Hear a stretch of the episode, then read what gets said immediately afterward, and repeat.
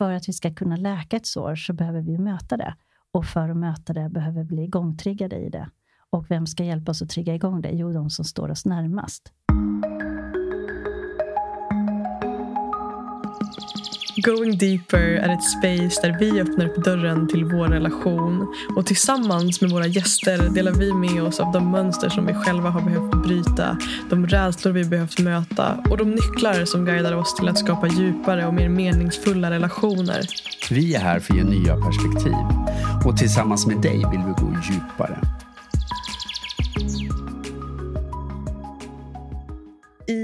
Veckans avsnitt så möter vi Camilla Håkansson som guidar människor till en djupare förståelse för sig själva genom själsliga speglingar och intuitiv terapi för just själen.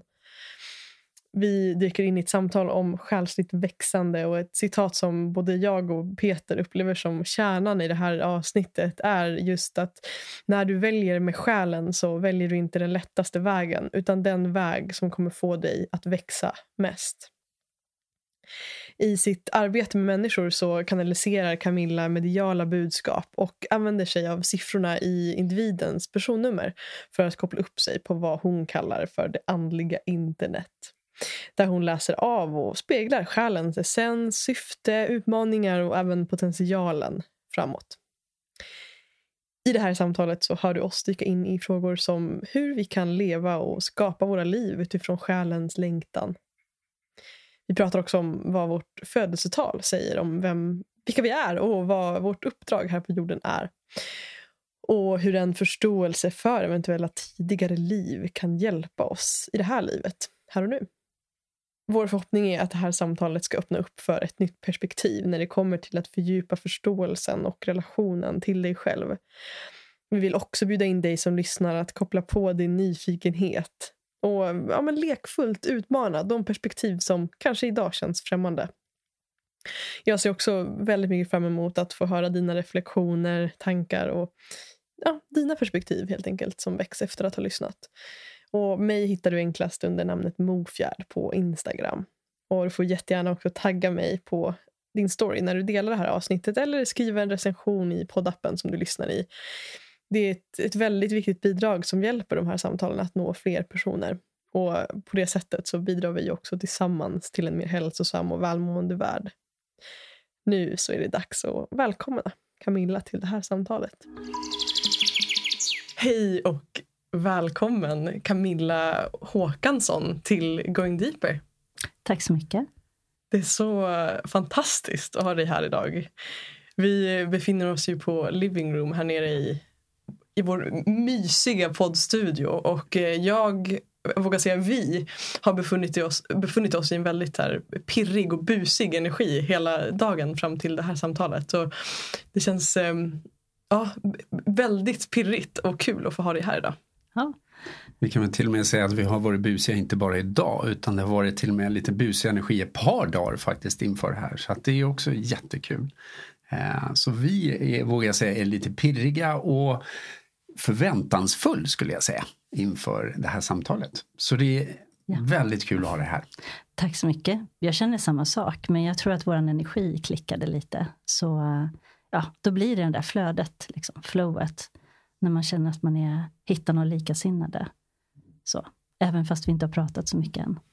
Verkligen. Och um, jag är nyfiken på att höra, vi ska ju prata om ett väldigt spännande ämne idag. Um, du jobbar bland annat med soul decoding som du ska få berätta mer om snart. Mm. Uh, och jag tänker att hela intentionen för det här samtalet är att öppna upp, alltså att ge lyssnaren ett, ett kanske alldeles nytt perspektiv för att kunna förstå sig själv på djupet. Och inte bara utifrån det livet vi lever här och nu utan också andra dimensioner av oss själva. Mm. Eh, och innan vi dyker in i det så skulle jag vilja höra med dig Camilla hur du mår idag. Hur mår ditt hjärta? Hur mår mitt hjärta? Nej, men jag säger som ni, det kändes härligt att gå hit idag. Eh, förväntansfullt och jag älskar ju möten med människor, lära mig nya saker. Eh, inquiring minds want to know brukar jag ha som en liten stämpel på mig. Så jag älskar det här mötet och flowet och som sagt var, jag är nyfiken, kreativ, eh, intuitiv och, och lite Pippi Långstrump skulle jag säga. Det kanske är mm. den energin ni känner. ni frågade ju mig hur jag skulle beskriva mig själv med tre ord. Eh, och då tänkte jag, oj, hur ska jag göra det med tre ord? Och sen kom jag fram till att mitt sätt att jobba är ju att titta på vilka siffror vi har i vårt födelsetal.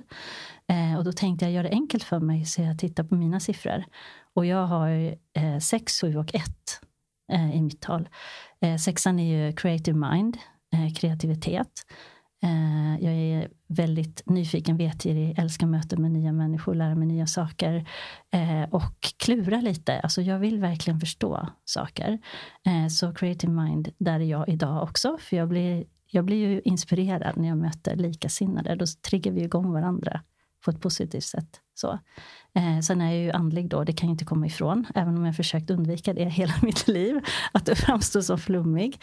Eh, men det är det sjuan står för alltså andlighet. Och sen har jag ettan som jag brukar kalla Pippi Långstrump. Och det är ju den här som har ett stort hjärta och som vill alla väl. Men som, jag ska inte säga att jag är en modig själ, men jag tror att livet puttar mig i rätt riktning. Att jag ska våga stå upp, stå för vem jag är och kanske göra saker lite tvärt emot. Och det är ju en utmaning för mig, som alla andra tror jag. Så det är lite det som kanske jag kan inspirera till. Att lyssna på sin själ helt enkelt. Ja, mm. kärnan. Jag vet inte om det var svar på frågan. Absolut, och jag tycker det är spännande också när jag hör det där med ettan och det vill jag komma till senare mm. för jag mm. inser att jag har ett par ettor i mitt yep. födelsetal. Men innan vi går in mer på det så skulle jag också vilja höra vad, vad har du din största uppmärksamhet? Vad går ditt fokus liksom i, i, i stunden här och nu? Vad, vad har du mest fokus på egentligen innan vi går in i samtalet? Gentemot mig själv eller gentemot ja, andra? Gärna mot dig själv. Um, jag tror att jag i stort försöker förstå mig själv. Det är väl det dygnets alla timmar går ut på. Att förstå mig själv. Och det är väl också det som, som jag lär mig. Alltså med alla klienter jag sitter med, så eh, de speglar ju mig. Eh, och nu jobbar jag ju på ett lite speciellt sätt att jag tar ner information. Men jag har ju också lärt mig att när jag tar ner information så är det ju också lika mycket till mig själv. Eh, så jag tänker att ja, jag tror att jag lever dygnets alla timmar att tänka på livet. Faktiskt. Och vem är jag? och vem är du? Och eh, hur kan vi mötas? Liksom. Det är spännande för jag tänker att den där frågan någonstans kanske, kanske följer oss alla hela tiden. Just det här, vem är jag? Och den där liksom, jakten på svaret. Och finns det ens något svar? Just det här också att allting är hela tiden mm. i, i förändring. Men jag tänker också att det, ja, det ska bli spännande just utifrån det perspektivet. Att få svar på så här, men själens essens, liksom. varje mm. individs själs essens. Alltså att gå in i det också med dig i det här samtalet. Att utforska det eh, mm. utifrån den frågan som du också beskriver att du har din uppmärksamhet på. Yeah. Um, och uh, jag tänker att för lyssnaren som inte vet vad du gör. Mm. Uh, och jag nämnde soul decoding. Yeah. Um, hur skulle du beskriva ditt, uh, ditt arbete och det du gör? Ja, alltså det har ju varit en resa. För här kommer ju, jag brukar säga att livet är en paradox. Eh, och i min resa har ju varit en paradox. Därför att jag har alltid varit andlig, alltid varit intuitiv. Men kanske inte sett det som en tillgång. När jag var liten så fick jag kanske höra att jag hade för mycket fantasi, jag var för känslig. Jag läste av allt och alla. Eh, så att, eh, jag har väl kanske inte förstått förrän i vuxen ålder att det kan vara en tillgång. Så. Eh, Eh, om, det finns det mycket jag kan säga om den resan, men den kan vi ta sen. Men, men eh, just det här vad jag gör. Jag skulle kalla det på svenska för själslig spegling. Eh, för det är det jag gör. Eh, soul decoding. Jag jobbar på ett ställe där vi formulerar saker på engelska. och då skrev jag min beskrivning Decoding the soul. För det var det, en, det, enklaste jag kunde beskriva. Ibland är det lättare att beskriva på engelska. Och då vände de på det till soul decoding. Eh, så vad det kommer ifrån är ju egentligen att det utgår från ditt födelsetal. Så det är en form av numerologi om ni känner till numerologi så det är ungefär som astrologi. Eh, vi kan helt enkelt lära oss om oss själva, förstå oss själva. Eh, när det gäller astrologi så är det ju hur planeterna stod när vi föddes. För mig, och det här är ju också det att det finns ju klassisk numerologi, men mitt sätt att jobba eh, tolkar jag siffrorna på ett helt annat sätt eh, och mycket enklare. Men jag vet ingen annan som gör det. För problemet, höll jag på att säga, för mig har varit att det här är någonting som har kommit till mig under tiden jag har arbetat. Så. Eh, så därför så har det tagit mig, och det är också en del i min utmaning i mitt liv, det här att vara Pippi Långstrump. Nej, då kunde inte jag gå den vanliga vägen. Jag hade älskat att bli klassisk terapeut eller coach. Men livet, min eh, livsväg ville att jag skulle kliva lite utanför vägbanan och trampa upp nya stigar. Och det har jag fått brottas med. Men om jag ska svara på frågan så skulle jag säga att när man kommer till mig och jag får ditt födelsetal och får tillåtelse att logga in på dig. Jag brukar säga logga in på andliga internet. Ehm, det är väl det enklaste sättet om jag inte ska bli för flummig eh, och prata om det så. Att när jag ser dina siffror då har jag också en kod. Det är som en kod. Så det är därför det kallas soul decoding. Eller eh, själens kod kan man säga. Men som sagt vad, vad det innebär är ju att utifrån att jag har beskrivit siffrorna så kan jag också spegla din själ. Ehm, så det är, när jag har en sittning så har jag två timmar. Och det är för att jag ska kunna gå på djupet. För mitt mål är ju att du inte ska gå ut därifrån och ha frågor. Så. Det är ju, låter väldigt... Men faktum är att just det där med att få mötas och att bli speglad i sin själ, det gör att man landar i sig själv. Eh, så någonstans så försvinner frågorna lite när man hamnar i sin kärna. Om ni kan förstå vad jag menar.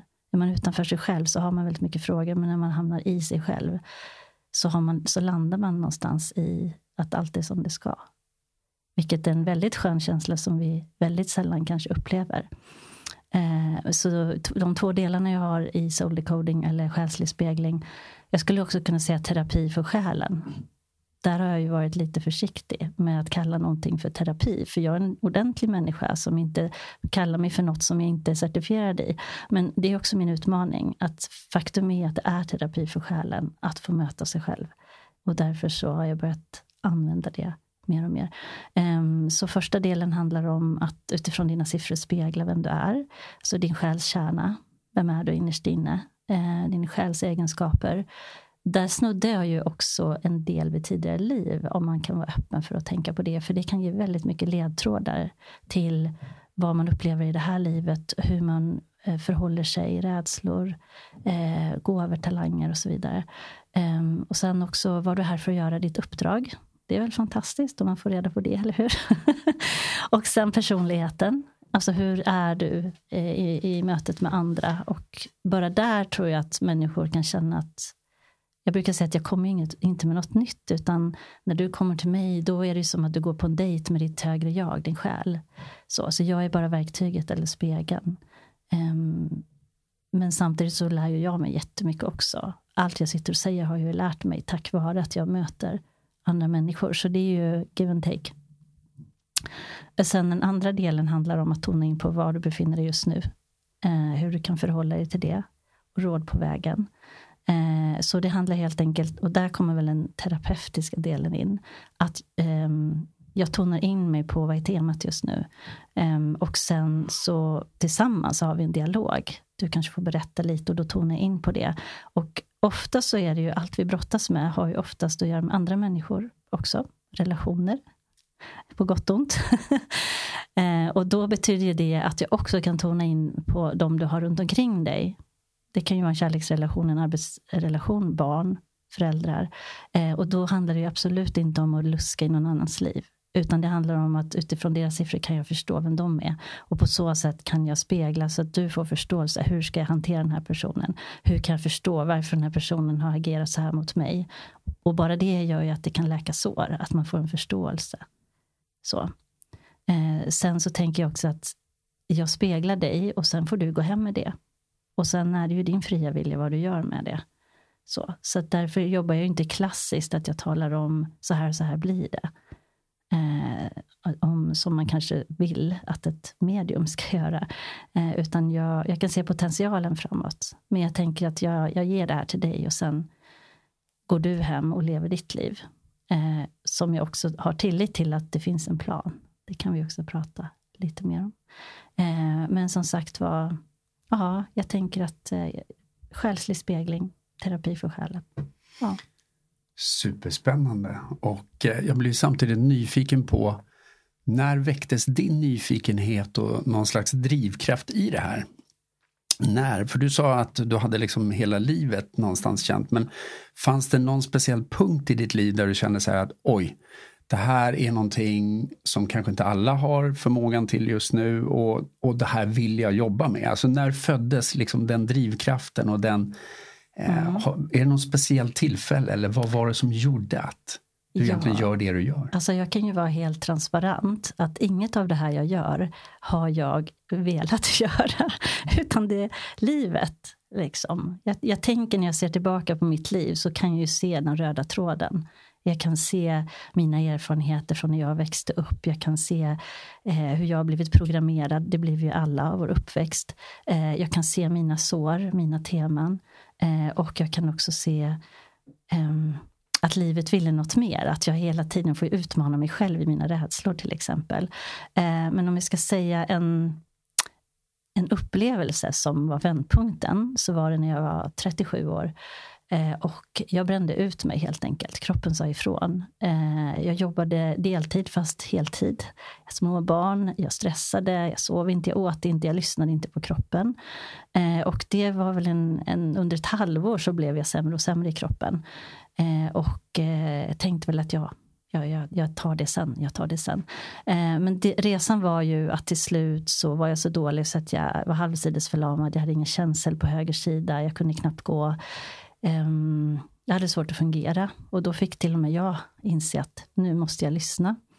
Ehm, och min resa då blev ju att jag blev utredd inom skolmedicinen och all heder till skolmedicinen. Men just då för 18-20 år sedan så, ehm, så hade de inte så mycket kunskap om de här diffusa krämporna i kroppen som jag hade. Så och där tänker jag att det var lite divine intervention. Därför att jag blev utredd inom skolmedicinen, om det var reumatism eller om det var hjärntumör eller olika saker som de letar efter. Och samtidigt så råkade då, inom citattecken, eh, vänner i min vänkrets säga, men du kanske ska prova den här alternativa metoden eller den här alternativa metoden. Eh, och det gjorde jag. Och det som var intressant då var, och jag är ju inquiring minds want to know. Eh, så att jag är väldigt öppen, men jag måste också förstå hur saker och ting hänger ihop. Eller bli överbevisad, skulle jag säga, minst tre gånger. eh, och det blev jag verkligen, därför att alla alternativterapeuter jag gick till, det var kinesiolog, det var energiterapeut, det var olika typer, rosenterapeut. De kunde berätta för mig någonting om mig själv och min historia och min kropp. Eh, och jag blev så intresserad av det. Bland annat var det en energiterapeut som hjälpte mig extremt mycket det var så att jag hade till exempel ingen känsel i ett halvår. Och efter hennes första behandling eh, så kom jag ut därifrån och kände någonting annorlunda. Och då hade jag fått tillbaka känseln. Så det gick så, när jag väl liksom var med på tåget så gick det väldigt fort. Och i det här kom ju också att ju mer jag började förstå mig själv, ju mer jag började titta på vad jag hade med mig för sår eh, i mitt liv och eh, började möta mig själv, desto mer rensade ju jag i garderoben kan man säga. Och desto mer kom det här som jag tror många upplever om man har varit i en sån här kris. Att när man börjar lyssna på sig själv så kommer också intuitionen tillbaka. Och det här synkroniciteten. Alltså jag kunde skratta ibland och tänka, ja, jag ifrågasätter inte längre för saker och ting bara föll på plats. Eh, och jag var väldigt nyfiken på det här. Eh, och hamnade då i en liten utvecklingscirkel för intuition och medialitet. Hade inte en tanke på att det skulle vara något annat än att jag hittade hem, träffade likasinnade, kände att åh, härligt, nu äntligen eh, har hittat min plats. Eh, det var ju då egentligen en utbildning, men jag traskade på där under två år och eh, fick då ironiskt nog först av alla i min grupp ett certifikat att jag var certifierat medium. Vilket var det absolut sämsta certifikatet jag kunde få. Eh, tänkte, vad ska jag göra med det här? Jag stoppar in det längst ner i skåpet när jag kom hem. Jag tänkte aldrig i livet att jag talar om att jag håller på med sånt här. Så. Eh, men livet ville en annan sak. Det var en väldigt bra utbildning jag gick. Eh, och eh, väldigt akademisk skulle jag säga. Eh, och vi hade också övningsklienter. Och på den vägen blev det att någon som hade varit hos mig rekommenderade någon annan.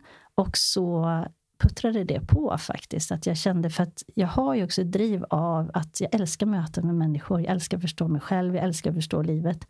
Eh, och någonstans så var ju den kraften starkare än mitt motstånd helt enkelt. för jag är ganska, har varit ganska dålig på att se till mina egna behov. Men när det gäller andra står jag ju där. Jag är ju den här klassiska hjälparen. Liksom. Så att eh, andra människor hjälpte mig att komma ut ur min, mitt motstånd där. Eh, så eh, jag har ju också jobbat som förskollärare i över 20 år. Vilket jag också kan förstå i min resa. Alltså just det här mötet med barn. Det finns så mycket att säga om det. Deras spontanitet och man kan inte med barn vara oäkta. Man får verkligen titta på sig själv. Så jag är otroligt tacksam att jag har den banan. Men jag kan också se det nu när jag jobbar med klienter. Att jag har en förståelse på många olika plan om hur barndomen påverkar oss. Och hur det är att vara barn. Eh, och eh, det lilla barnet i oss som vi har med oss hela tiden. Eh, så att det var en period där när jag då växlade mellan att ibland ta tjänstledigt och, och våga mig ut, släppa sargen och sen nej, så tvekade jag lite och sen har jag jobbat deltid. Så jag har knölat med det där. Så jag ska säga att din fråga, som svar, ett långt svar på din korta fråga är att det har inte varit helt enkelt. Eh, men jag kan se nu, och det är det som jag tycker är typiskt med själens resa, att det är först när vi tittar tillbaka som vi kan se. Hade jag inte gjort det, hade inte det hänt, så hade inte det hänt, så hade inte det hänt. Och någonstans kan vi se en röd tråd. Mm.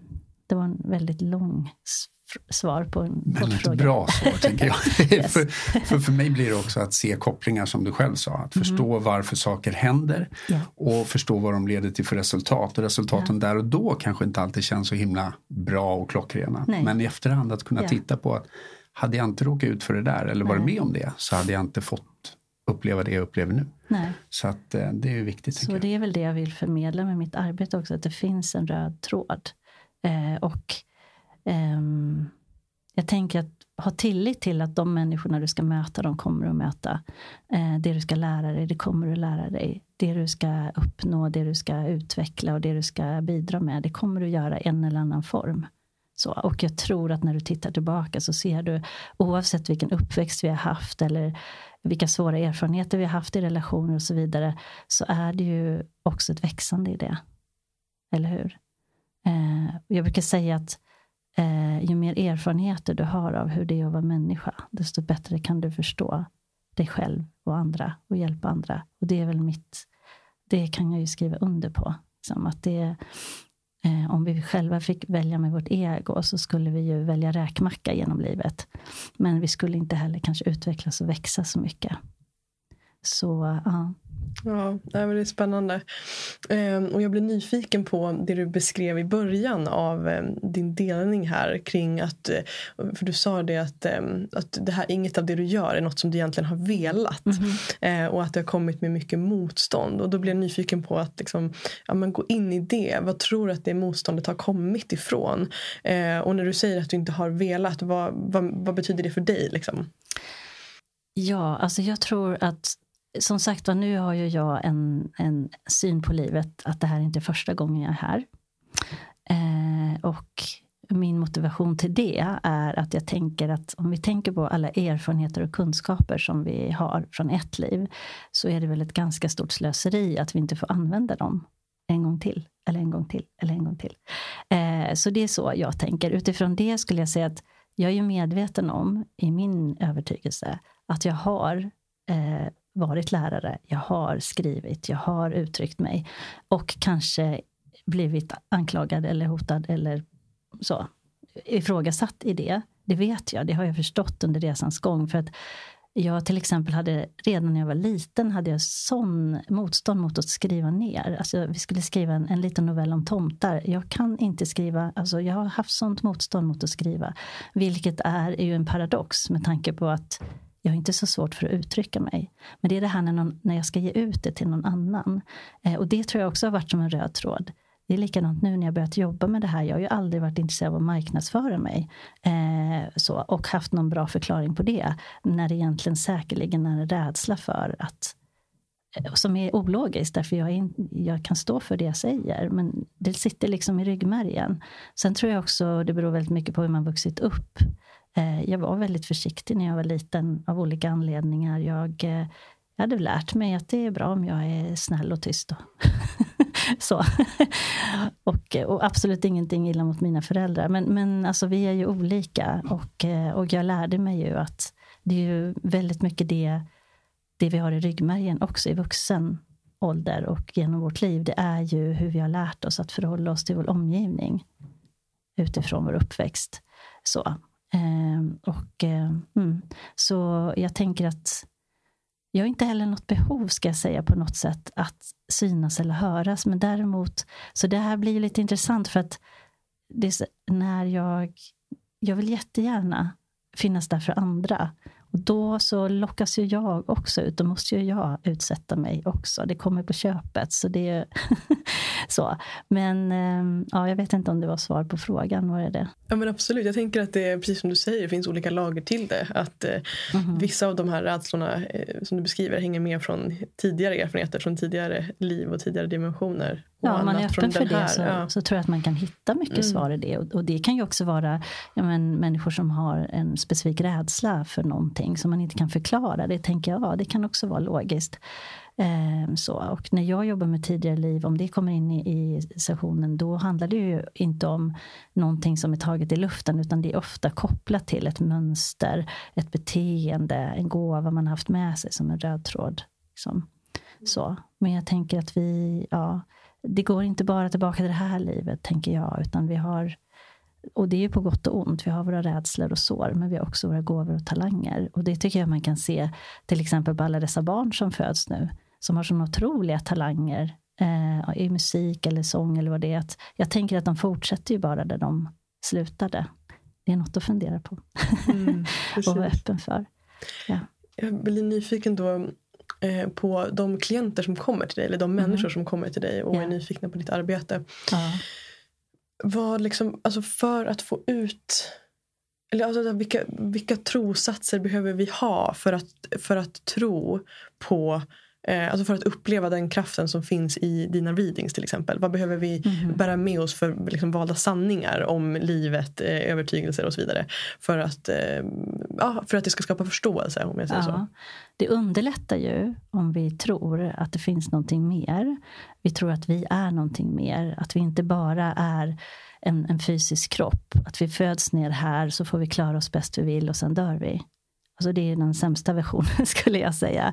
Eh, utan ja, jag tycker att det underlättar om man leker med tanken att man har en kärna.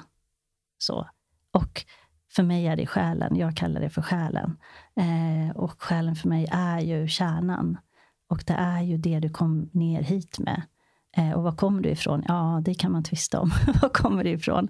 Men eh, om jag skulle förklara hur jag ser på det, så ser jag det som att eh, vår själ strävar hela tiden efter växande och utveckling. Och det gör vi tillsammans med andra.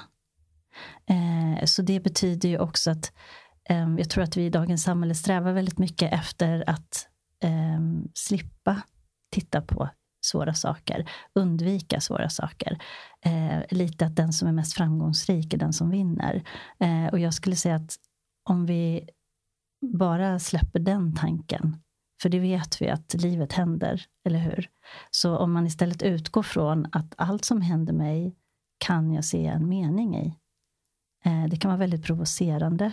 Men, eh, men jag tänker att om vi leker med tanken att vi är här för att växa och utvecklas och vi är också här för att spegla varandra. Eh, för utan varandra skulle vi inte triggas igång, eller hur, i vårt växande. Eh, så jag tänker att eh, meningen med livet är att leva livet faktiskt.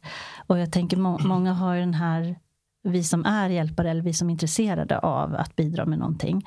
Eh, vi kan ju ofta kanske slå på oss själva och tänka här sitter jag och pillar mig i naveln med mina små problem. Vad ska det hjälpa världen? Jag borde vara ute på fältet och, och hjälpa till och så. Eh, Eh, och så som jag ser det så ser jag att ja, men du hade en plan när du kom hit. Eh, och exakt det du har valt att titta på utifrån uppväxtvillkor, sår, gåvor, talanger och så. Det är exakt det, särskilt våra sår som vi har med oss. Och sår brukar jag kalla teman som avvisande, utanförskap, orättvisa till exempel. Eh, om vi då leker med tanken att vi har varit här förut så har vi ju inte bara samlat på oss en massa kunskaper om hur det är att vara människa utan vi har också fått med oss erfarenheter som i, i mycket, mångt och mycket är sår. Och ni kan säkert känna igen att vi alla känt oss avvisande, orättvisa, utanförskap till exempel. Eh, men att vi då, som jag ser det, nu kommer jag vara lite flummig här. Det är, okay. är... Jag tänkte säga att det är rätt podd. Eh, ja, men lek med tanken då att du har ett medvetande. Lek med tanken att du har varit här förut. Lek också med tanken att du går in i någon slags, vad vi nu vill kalla det, eh, annat medvetande mellan liven. Eh, där vi då reflekterar över det vi har varit med om. Eh, där vi också då känner när vi är redo så känner vi att nej men jag vill möta det här igen. Jag vill bidra, jag vill växa, jag vill utvecklas. Eh, jag går ner i en ny kropp. Ehm, och med det kommer inte bara att vi tar med oss våra gåvor, talanger ehm, och det vi vill bidra med, det vi vill lära oss. Eh, jag tror också att vi har en grupp av själar och där kommer vi in lite senare på. Att vi har ett kluster av själar med oss. Det är lite som Teatersällskapet. Eh, de här har vi stötts och blött med i många liv. Eh, det är det som blir så intressant därför att ni kan säkert känna igen att ibland träffar man någon som man bara känner igen. Det kan ju vara någon som man plötsligt känner att det här är en vän för livet eller det här är min partner eller, eller vad det nu är för någonting. Nu tittar eh, vi på varandra och ler. Ja. så gulligt. Precis, det ser inte. Det ser inte så fint. ja. Eh, och, eh, och det är ju just som jag ser det då, att här har du en själslig koppling. Du känner igen någon. Det är inte alltid glitter och gröna skogar, höll jag på att säga, utan paradoxen är ju då, och mycket i livet är en paradox, att vi har också sår att titta på som vi har fått med oss från tidigare liv. Och för att vi ska kunna läka ett sår så behöver vi möta det. Och för att möta det behöver vi bli igångtriggade i det. Och vem ska hjälpa oss att trigga igång det? Jo, de som står oss närmast. Så jag skulle se det som att vi gör en deal med vår lilla själsgrupp Eh, och vi kan ha haft olika roller helt enkelt. Eh, många som är inne i det här med tidigare liv eh, kan ju säga att jo men vi var, nu är jag din mamma men i ett tidigare liv var jag ditt barn. Alltså det är ju väldigt intressant om man leker med den tanken att vi får ju helt olika aspekter. Och det är väldigt smart då av livet, om vi nu ska tro på det här, att vi inte har miljarder, miljoner av själar utan att vi faktiskt hela tiden vi fortsätter där vi slutade. Vissa själar kommer in i vårt liv när vi behöver dem och håller oss. Vissa själar har tagit på sig den svåra uppgiften att spegla våra djupaste sår. Och där kan, det kan ju vara relationen förälder-barn eller i en kärleksrelation. Och det som, som jag har fått till mig nu på senaste tiden som förklarar väldigt mycket varför vi inte går från en sån relation, det är ju att vi känner att vi är så kopplade själsligt. Det är själva grejen, annars skulle vi kunna smita hur mycket som helst, eller hur? Yes. Mm. Och när du berättar nu så känner jag, jag blir ju berörd eh, direkt och får nästan eh, sansa mig för att inte börja gråta för mycket just här och nu. Eh, för jag känner ju någonstans att eh, om jag går tillbaks till hela mitt liv har handlat väldigt mycket om, jag är uppvuxen i en väldigt traditionell familj och så vidare.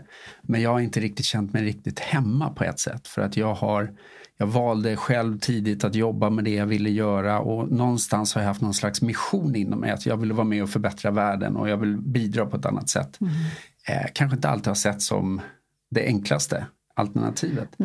Och, och det här har ju också gjort att någonstans så har jag känt att jag har testat väldigt mycket. Jag har gått till olika medium, jag har varit runt och besökt olika urinvånare i mm. olika länder. Mm. Och, och bara det är ju spännande om man är skeptisk att också se att även mm. urinvånare i djungeln i Amazonas och exempelvis aboriginerna i Australien, de har inte kontakt med varandra men de, de kan, det finns ändå liknande mönster.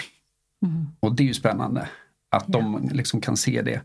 Yeah. och det säger mig någonting om att vi har ett jäkla brus i det här samhället och att vi mm. har tappat mycket kontakter med oss själva. Yeah. Och, och, varför jag blev så berörd också när, när jag och Madeleine tittade på varandra var ju också att Madeleine dök upp efter en skilsmässa hos mig, mm. en separation. Yeah. Eh, och där det på något sätt kändes så självklart när hon dök upp. Mm. Men det var på något sätt, för jag tror att eh, liksom, saker händer för mig i livet. Mm. Inte liksom, jag ska lära mig av det. Mm. Och när Madeleine dök upp så blev det också för mig så här att, och gud, det är för självklart, det är för bra, för det är för mycket det kändes så enkelt och det kändes som att vi hade någon slags gemensam mission. Mm. Men då var det här med åldersskillnaden. Mm.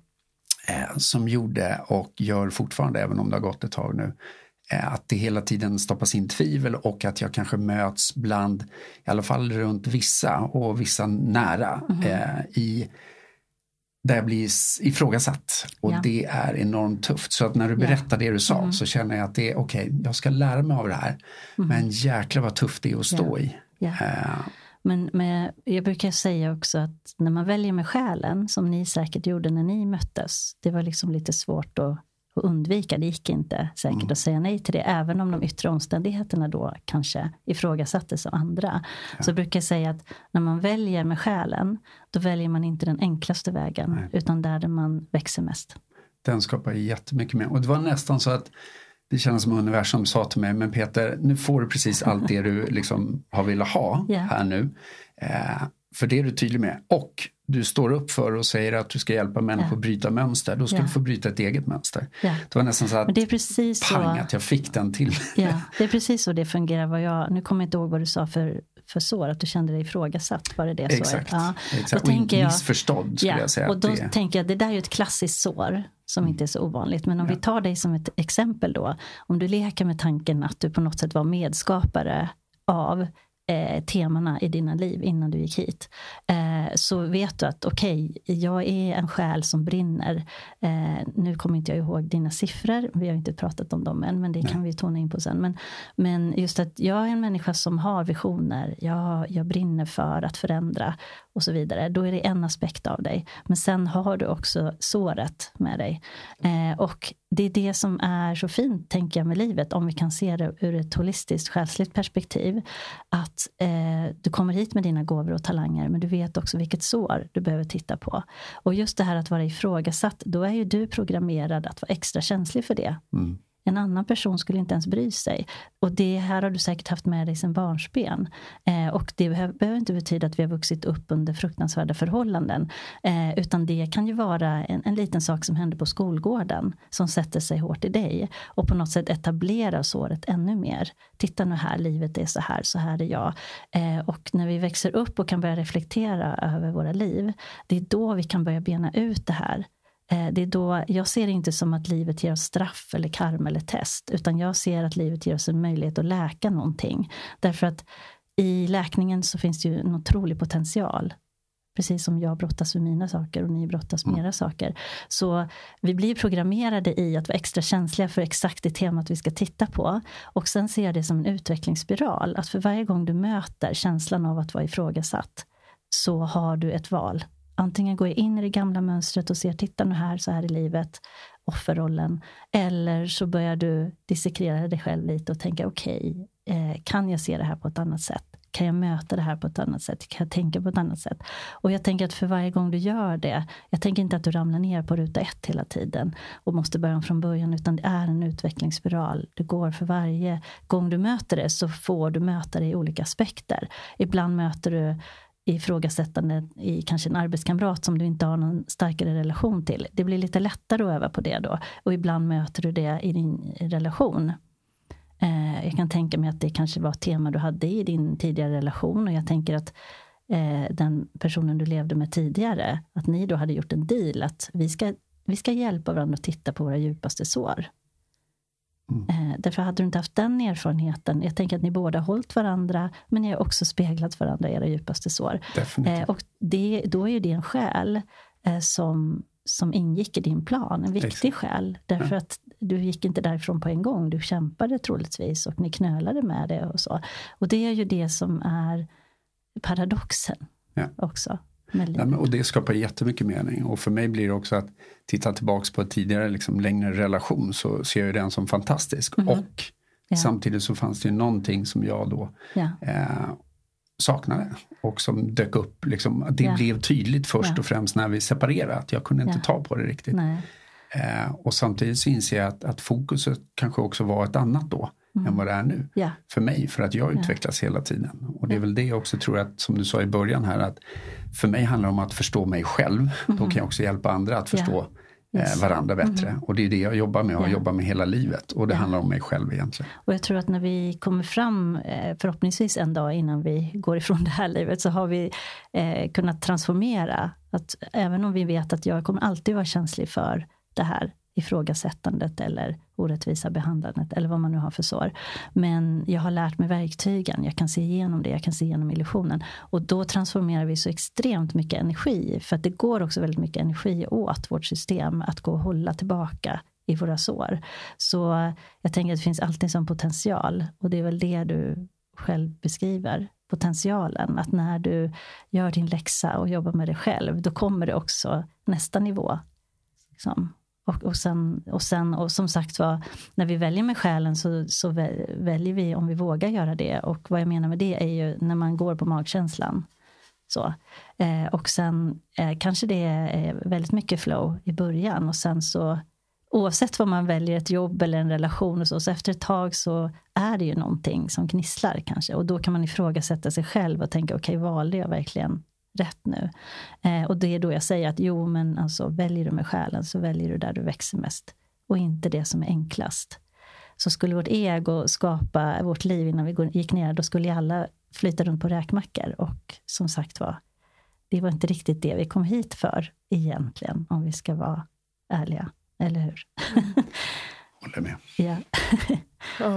ja, det skapar väldigt mycket mening. Och um, jag tänker det du, det du var inne på i början också, det här med att någonstans så kan det här, att få de här insikterna. Eh, för mig, jag var ju på en reading hos dig för bara någon vecka sedan. Mm. Och det jag upplevde efteråt var verkligen, det kändes som en liksom varm kram av förståelse för mig själv. Mm. Och då var det inte så att jag kom till dig just i den sessionen med någon specifik liksom, stor utmaning eller liksom, mm. så. Utan det var mer en, liksom, ah, du, du gjorde en, en reading, en spegling av mig och, mm. och känslan blev som sagt verkligen att jag fick förstå mig själv på ett helt annat sätt. Mm. Eh, eller ett, helt, men ett nytt, liksom, nya perspektiv på olika dimensioner av mig som själ. Eh, och det jag tänker på då för att, varför jag nämner det är också för att komma in på eh, att, att, liksom, att ta upp våra siffror här och nu. Alltså kopplat till då mig och Peter och vår relation. Eh, också för att ge mm. lyssnaren en, en, ett, liksom ett smakprov på hur det kan se ut i en reading ja. med dig. Är ni redo för det då? Ja. oh -oh.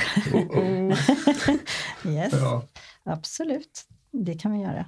Och då tänker jag att nu sitter vi ju, som sagt var, när jag har en och en så, så fokuserar man ju på djupare så. Men mm. eftersom när vi sitter här nu så kan vi fokusera på er relation då. Mm. Mm. Och hur ni speglar varandra, tänker jag. Mm. Om ni tycker att det låter bra. Det låter jättebra. Så vad behöver du av oss för att eh, göra den här readingen? Eh, ja, alltså jag behöver era fullständiga namn och sen år, månad och dag. Så vi kan börja med dig då. Yes, jag heter då Sofie Madeleine Mofjärd. Och mina siffror är 1997 09 27. Mm. Och då är mitt fullständiga namn Anders Peter Nilsson. Och jag är då född 1970. 01 18. Mm.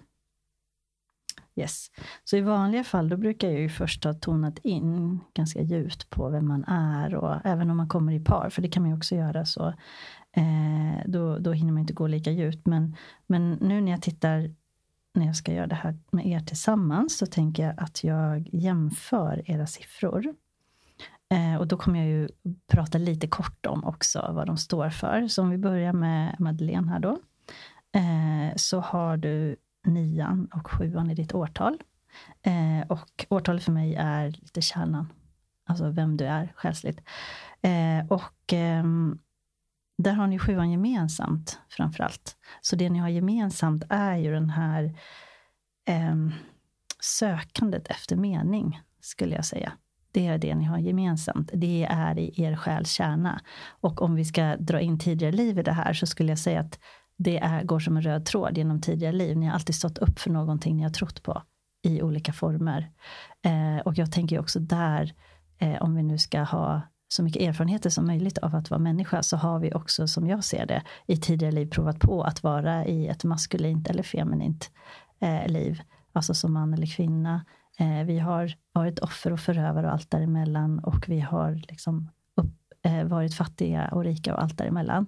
Eh, men som er tema med sjuan är ju att ni har alltid stått upp för någonting som är större än er själva. Ni har alltid haft någon slags drivkraft framåt och det tänker jag att ni har även i det här livet, eller hur? Eh, så eh, nu känner jag ju också av energier. Det är inte bara att jag tittar på siffrorna. Jag ser ju att ni är sammanlänkade. Ni har ju varit ett team förut i tidigare liv.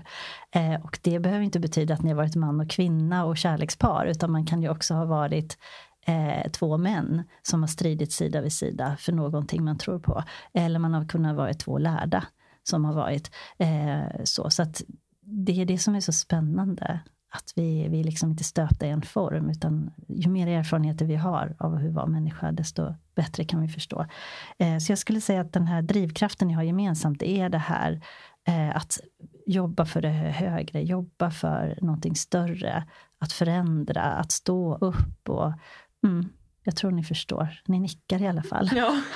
förstår absolut. Yes.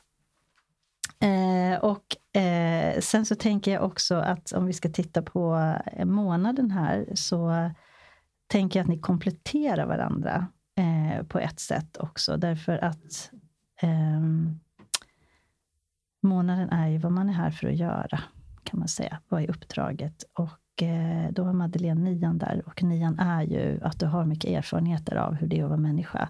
Du är inte rädd för att titta djupt du är inte rädd för att titta eh, i, i, i, livet, om du förstår vad jag menar, att möta djupa utmaningar. Eh, du kanske till och med finner någon slags tillfredsställelse i att gräva. Så. Medan Peter då har ettan här. Eh, ettan är ju den här inspiratören, provokatören, maskulina energin, ut och vevar ganska mycket. Yep. och är liksom den här eh, ja, drivkraften framåt. Eh, så jag tänker, där kompletterar ni ju varandra, skulle jag kunna tänka mig. Ni kan också provocera varandra lite. För att jag kan tänka mig att när Peter har några fantastiska idéer och, och, som han vill driva igenom, så kanske Madde då känner att, men vänta nu här, vi ska tänka igenom det här ett varv till. Och inte gå för fort framåt. Stämmer det? Både ja och nej. Det beror lite på inom vilket eh, liksom, område. Ja. Eh, och, eh, på ett sätt så är vi väldigt lika där också. Så handlingskraftiga och gör och agerar. Absolut. Um, så um, både, både, ja och nej skulle mm -hmm. jag säga. Mm. Ja. Eh, och, eh, och jag kan ha lite mer bråttom dock vill jag säga. Precis, det är nog kanske lite, det är lite. Mer, mm -hmm. mer, exakt, att det kan kännas som en tempofråga ja. nästan mm. sådär att jag vill fram snabbt. Ja, och det kanske och, var lite det jag var ute efter. Att, att mm du kanske har mer den här holistiska synen då och du har mer den här drivkraften framåt. Att man liksom kompletterar varandra i det. Mm. Det kan också vara på eh, just i livet när man brottas med saker. Att, att du Peter då kanske går in i det här, också ska jag säga, nu är jag inte politiskt korrekt, men lite det här manliga. Att får man, om ens partner kommer med ett dilemma, då någonstans undermedvetet så vill man gärna lösa det där är ju du väldigt lösningsinriktad. Medan du då Madde kanske är mer, ser det holistiska, spännande, du vänder och vrider på saker. Eh, men jag tror också att där så kompletterar ni varandra. För att ni, eh, ni lyssnar ju på varandra och ni möter varandra. Och då kan ni också vara öppna för varandras olika sätt att se på saker och ting. Så där kan vi verkligen säga att vi har lärt oss jättemycket den senaste tiden. Just mm. det här att inte komma med lösningar utan vara tydlig, vad är det du behöver och så vidare. Mm. Så att den, den ja. stämmer väldigt bra. Mm. Det har ju verkligen varit ett tema tänker jag, i vår relation. Att från att när vi träffades så precis som du säger Camilla så var, var du väldigt mycket i det alltså klassiska, som säger, icke, icke politiskt korrekta kanske men manliga liksom, behovet av att lösa, eh, lösa kanske sin kvinnas problem och att det fick mig nästan att känna, mm. mig, att känna mig mindre sedd utav dig. Medan du hade ju en, en, positiv intention om att hjälpa, hjälpa mig men det blev snarare som att jag kände att Mm. Ja, men jag kände mig inte sedd när du gjorde det. Och sen har vi, har ju, det har ju utvecklats enormt. Eh, och du har ju, det beteendet har ju förändrats totalt vågar jag säga. Så det är också Mm. spännande tänker jag, utifrån det du delar också att det är mycket Ja. som kan, alltså tänker vi kan genom att bli medveten om de här sakerna också hur man Ja. kan jobba med det och Eh, förändra det. För, för det kanske var det jag menade också med alltså, nian och ett, din nia och Peters etta här i, i er drivkraft liksom, i det här livet. Att du har en förmåga kanske att se holistiskt. Eh, Medan du Peter har en drivkraft framåt, att det är som driver dig. Men tillsammans så, så blir det ju eh, de bästa av två världar. Eller hur? Eh, och eh, som sagt var, om jag tittar på dina siffror Peter, eh, vi har ju inte haft någon enskild session heller. Eh, men som sagt var, ni har ju det här sjuan som ni båda har i årtalet handlar ju om att det finns någonting mer. Det är det som ni drivs av, den vetskapen, det finns någonting mer. Eh, och sen har du Peter då en etta i månaden och en etta i datumet. Och ettan för mig är ju den här eh, maskulina, nu säger jag inte att alla män är så här, men vi alla har vi en feminin och en maskulin aspekt i oss oavsett kön. Eh, och sen kan vi använda dem på lite olika sätt eller mer eller mindre. Eh, och eh, den feminina aspekten, nu kanske jag inte heller är helt politiskt korrekt, men ser jag som den här holistiska, intuitiva, inkännande, den som liksom har djupet. och den maskulina energin är mer drivande framåt, verkställaren, göraren. Så. Och vi har, alla människor har de aspekterna i sig, oavsett kön. Eh, och det ultimata är ju för alla människor att lyssna inåt och sen verkställa utåt. Och sen kan vi utifrån vår uppväxt, våra erfarenheter, hur vi liksom, våra relationer till vår mamma eller vår pappa, hur vi liksom har vuxit upp i samhället och så, så um, har vi bejakat de sidorna mer eller mindre. Så det kan också vara väldigt intressant att se eh, vad har jag för relation till min mamma, vad har jag för relation till min pappa, eh, vad har jag lärt mig, hur är en, en, en man, hur är en kvinna, hur är man i en relation? Och att där kan man få väldigt mycket svar på eh, sitt beteende i relationer. Eh, har man kanske haft en konflikt med, med sin pappa så kan ju det vara att man håller tillbaka sin maskulina kraft. Därför att man, man kan inte mm, försonas med den aspekten. Eh, och, så det kan vara spännande. Eller att man kanske då, det finns ju så många olika varianter på hur vi förhåller oss i livet, men också hur vi har lärt oss, att det är överlevnadsstrategier helt enkelt. Eh, och om jag ska prata om det, får jag till mig bara lite, eh, mitt i alltihopa, är ju att eh, vi oftast har överlevnadsstrategier när vi växer upp. Det behöver inte betyda att vi har vuxit upp under svåra förhållanden, men vi, vi anpassar ju oss efter vår miljö helt enkelt. Eh, och det finns ju två ytterligheter. Det ena är då att man lär sig att vara duktig pojke eller flicka utifrån att det är så jag får kärlek och bekräftelse eh, från min omgivning. Eh, eller den andra ytterligheten är att jag stänger om mig. Det är för smärtsamt. Jag lyckas inte nå mina föräldrar till exempel. Eh, och det finns en viss tendens att män har en tendens, eller små pojkar har en tendens att då kanske stänga om sig. Eh, och när de växer upp, om man inte tittar på det såret, så handlar det väldigt mycket om att när man då möter, som jag tänker, att du har din själs... Eh, det är någon som du faktiskt har gjort en deal med, att du får komma in i mitt liv här och hjälpa mig och titta på det här. Eh, och oftast är det då en person som man dras till varandra. Ibland kan det ju också vara så, det kan ni säkert känna igen i vissa relationer, att det är en sån attraktion, alltså man inte ens känner personen egentligen särskilt mycket, men man känner igen själen. Eh, och det kan ju vara en typ av relation där den ena eh, är hjälparen och den andra är den som ska läkas. Eh, och naturligtvis är det hela tiden också ombytta roller, men eh, om vi ser det exemplet så är det ju ofta så att den som ska läka den andra eller har tagit på sig det uppdraget känner igen den här själen, den här fantastiska själen. Man ser igenom dagens personlighet. Eh, och eh, den som har såren, eh, den känner också igen den här själen. Men det som handlar om när man stänger om hjärtat som liten så handlar det om att där byggs upp väldigt mycket självförakt. Eh, och när man möter någon som knackar på eh, då blir det en utmaning. Ska jag våga öppna inifrån? Eh, och om jag gör det, hur kontrollerar jag mitt självförakt, mina rädslor och allting? Så eh, det är en väldigt, väldigt vanlig eh, tema som människor som kommer till mig jobbar med.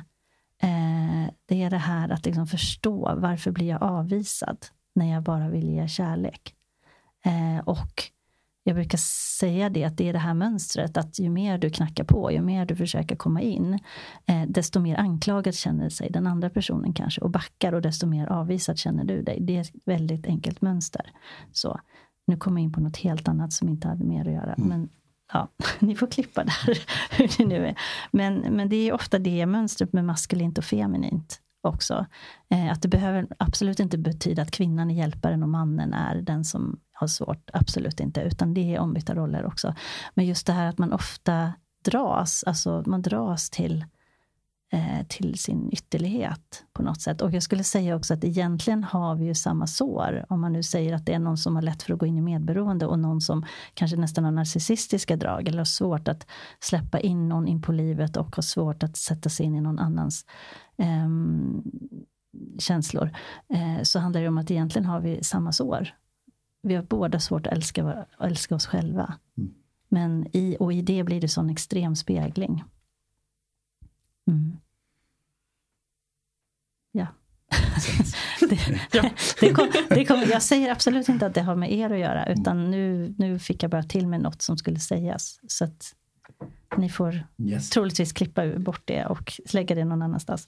Eh, men eh, vad jag ska säga här också om er är ju som sagt då att ni kompletterar varandra. Att ni har ju den här synen på livet. Där kompletterar ni varandra med sjuorna.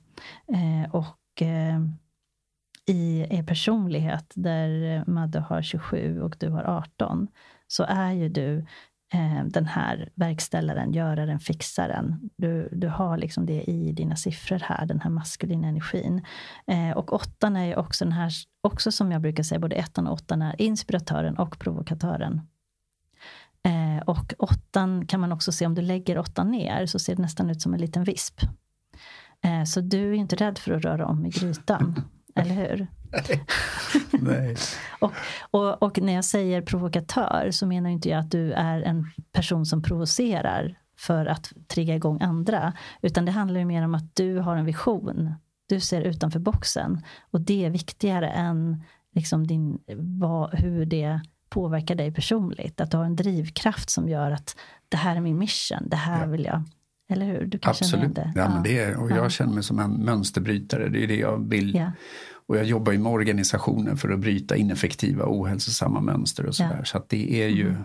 Det är min mission, absolut. Ja. Så att, och där tänker jag att ni kompletterar varandra för då har, har Madeleine har tvåan och sjuan där. Tvåan är den här feminina, eh, intuitiva, holistiska. Jag säger inte att du inte är intuitiv utan vi pratar bara om olika karaktärsdrag här. Eh, och sjuan är ju också det här holistiska. Så jag tänker att ni kompletterar varandra väldigt bra därför att ettan och tvåan, ettan som, som du har Peter och tvåan som du har, är ju den här balansen mellan maskulint och feminint. Eftersom ettan står för det maskulina och tvåan står för det feminina. Det betyder inte att ni är fast i era roller, utan det betyder att ni kompletterar varandra. Så att när du går in väldigt mycket i görandet, då kom, kan eh, Madde komplettera det med att se det holistiska i det.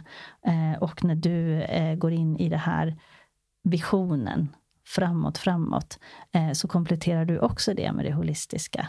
Liksom, att ni, eh, där är ni ju sammanbundna på något sätt. Mm, det känns som att ni kände igen er. Ja, absolut. Ja. Definitivt. Så eh, det som är att, att hitta en, en... Nu tycker inte jag om att använda alla de här olika uttrycken, för det är en djungel att gå in i. Det finns andra som är bättre på att förklara skillnader med själsfränder och Eh, och så vidare. Men, eh, men jag tänker att ni har ju, om ni tänker det att ni var för sig har en livsplan, så har ni ju också hamnat på er station vid rätt tillfälle. Ni skulle ha alla de här erfarenheterna och kunskaperna innan ni mötte varandra. Det kan också vara bra att tänka på att ibland så kan man känna att nej men nu, nu har jag gjort allting, jag har vänt och vridit och varför finns inte min partner här? Och då tänker jag också att jo men alla har vi våra planer. Och ibland kan man inte forcera någonting. Eh, därför att du kanske behövde ha din erfarenhet, du kanske behövde ha tidigare relationer, du kanske behövde knöla med dig själv. Så, för att kunna vara din högsta potential, för att ens kunna liksom, mötas. Så. Och där är ju någonting vi har pratat om, eller som du Madeleine brukar säga, det är ju också att hade jag Alltså du Madeleine, om du hade träffat mitt eh, 25-åriga eller eh, ja, 25-30-åriga Peter så hade du inte ens lagt märke till mig. så det är ju spännande. Nej, verkligen. Det, det hade nog jag mest sett dem som en sprätt. Liksom. Vad är det här för någon rörig person? så ja, det stämmer. Jag var inte rörig när jag var 25, men jag var nog en sprätt. Mm, sprätt. Ja, men jag tänker också, just som ni pratar om åldern, att jag, för mig när jag ser er energimässigt tillsammans så kan ju inte jag se, alltså ni är ju på samma plan. Eh, just därför att ni är ju, ni är ju inte er ålder, utan ni är ju era själar. Eller hur? Och det är så jag tänker och ser och det är fortfarande min stora liksom, utmaning i att jag tror inte kanske alla människor ser våra själar så. Men, men det som ändå är spännande är när folk möter oss så kan Mm. de exakt säga det du säger. Mm. Eh, men det är många som inte möter oss.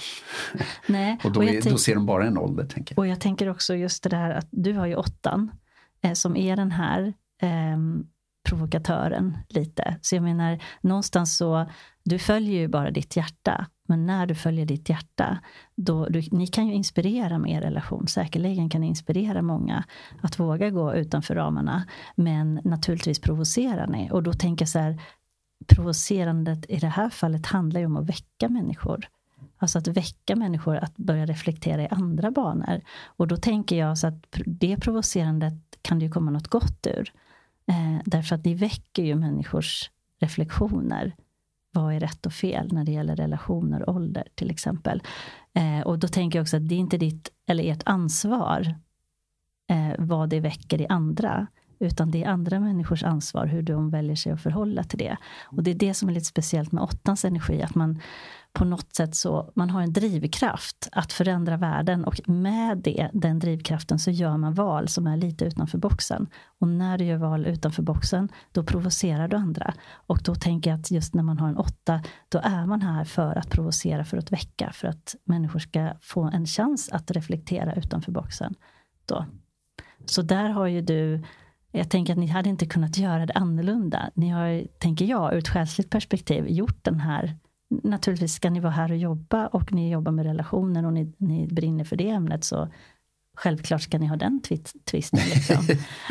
ja, ja, och det, exakt, det känns ju självklart. Ja. Yes. Ja, Eh, och samtidigt känslomässigt inte alltid helt lätt. nej. Nej. nej. Och, det, och det kanske just är, som vi har pratat om tidigare, det är väl kanske just framförallt min utmaning. Mhm.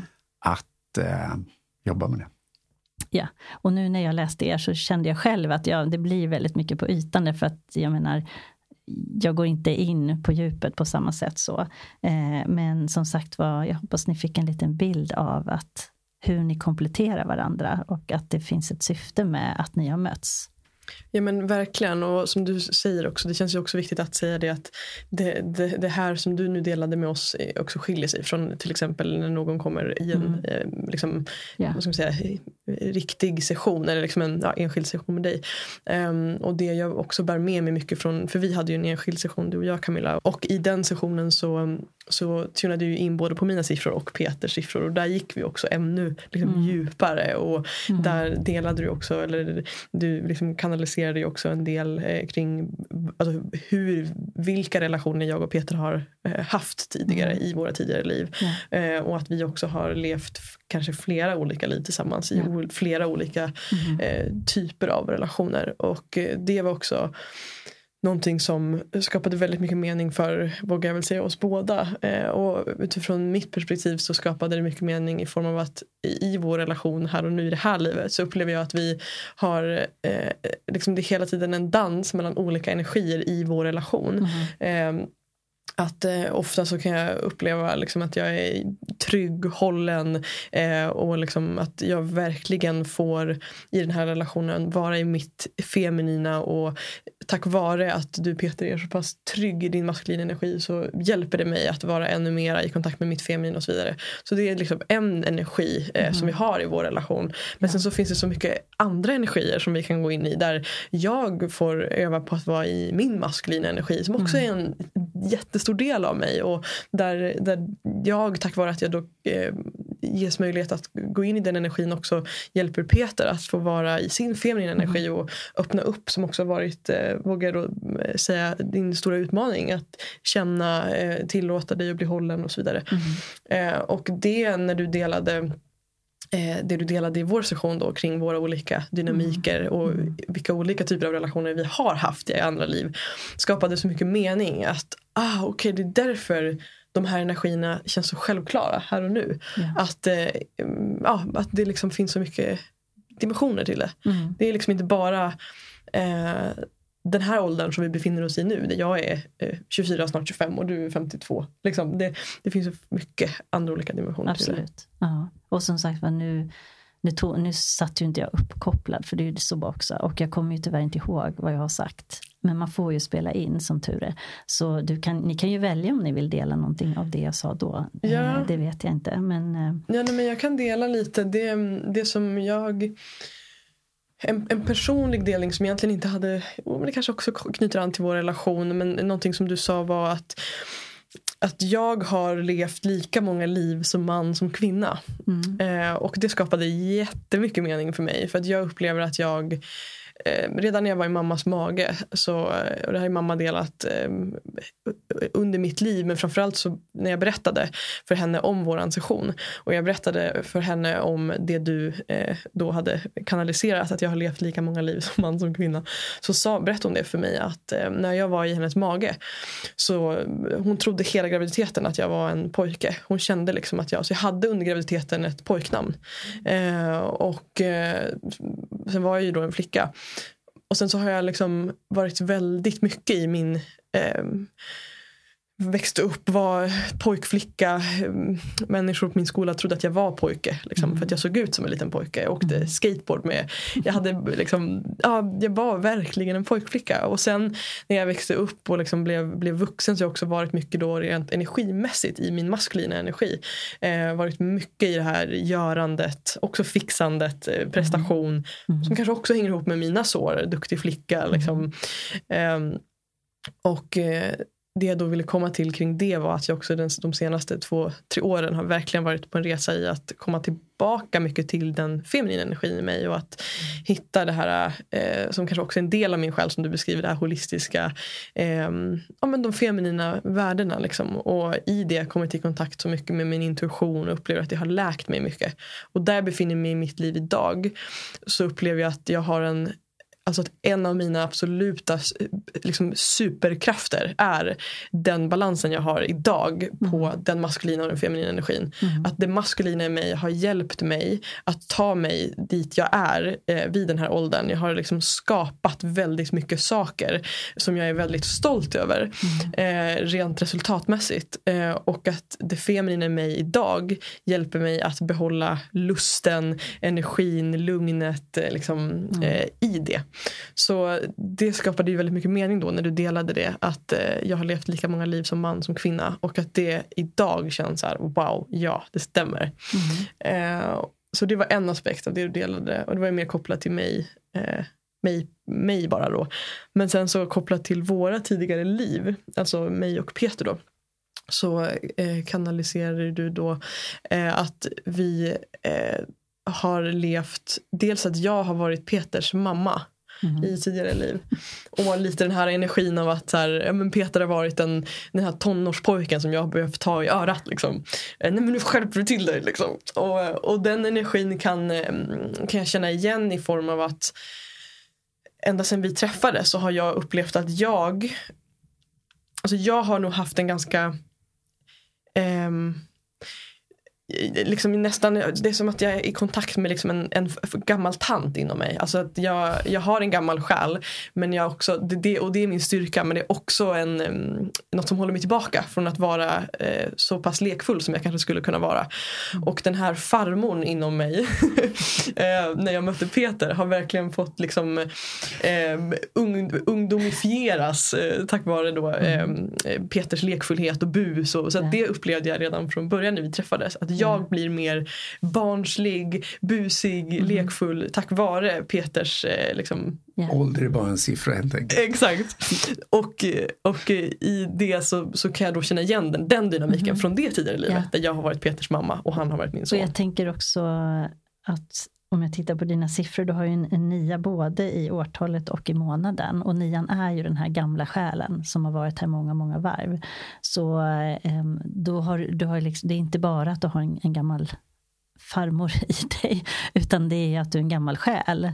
Även när du var liten så, så hade du någon slags reflekterande över livet, skulle jag kunna tänka mig. Att du såg igenom eh, vad vuxna gjorde eller att du kunde ifrågasätta och att man kanske mer blir observatören även i, i ung ålder.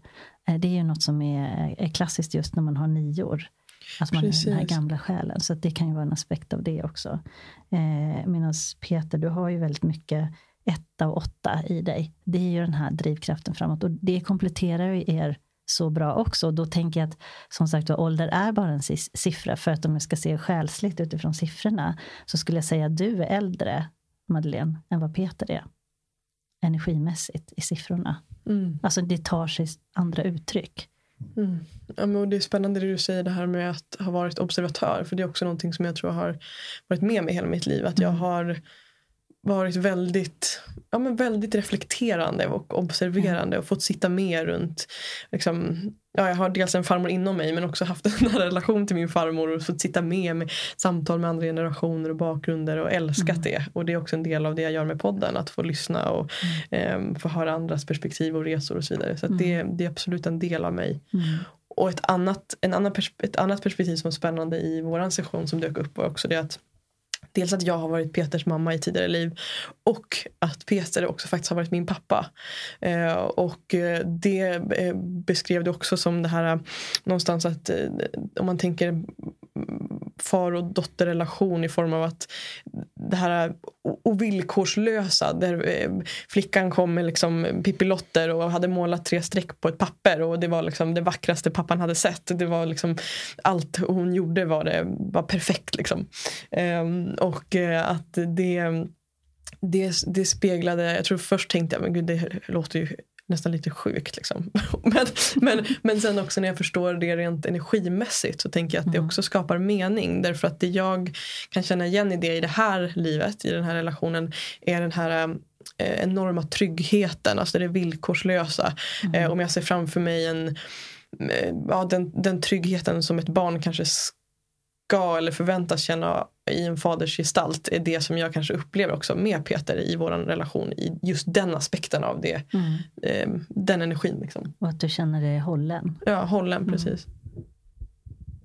Och jag tänker just när jag hörde den delen av readingen så var det ju för mig så blev det, eh, det blev väldigt vackert. För på något sätt så, så energimässigt och, och känslomässigt så känner jag ju saker för Madeleine som jag inte liksom är van vid. Mm.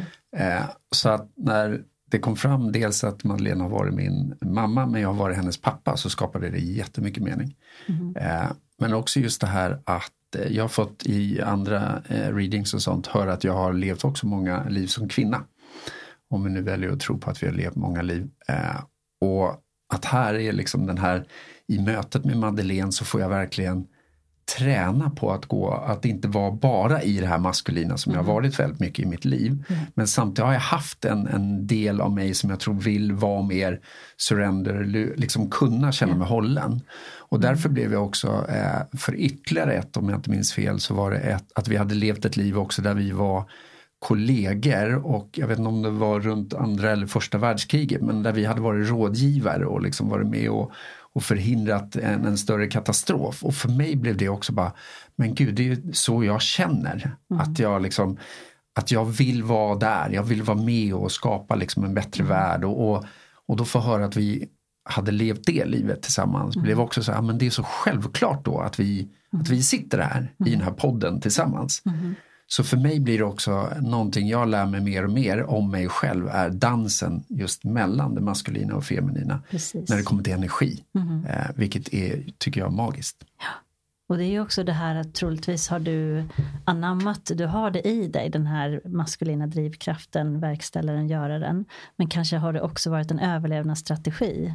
Eh, och det är det som jag tror att vi håller på och trasslar med just nu. Att det tema som vi kollektivt håller på med yes. är ju att, att särskilja vad, är, vad var min ursprungliga gåva. Jag till exempel eh, är ju en hjälpare.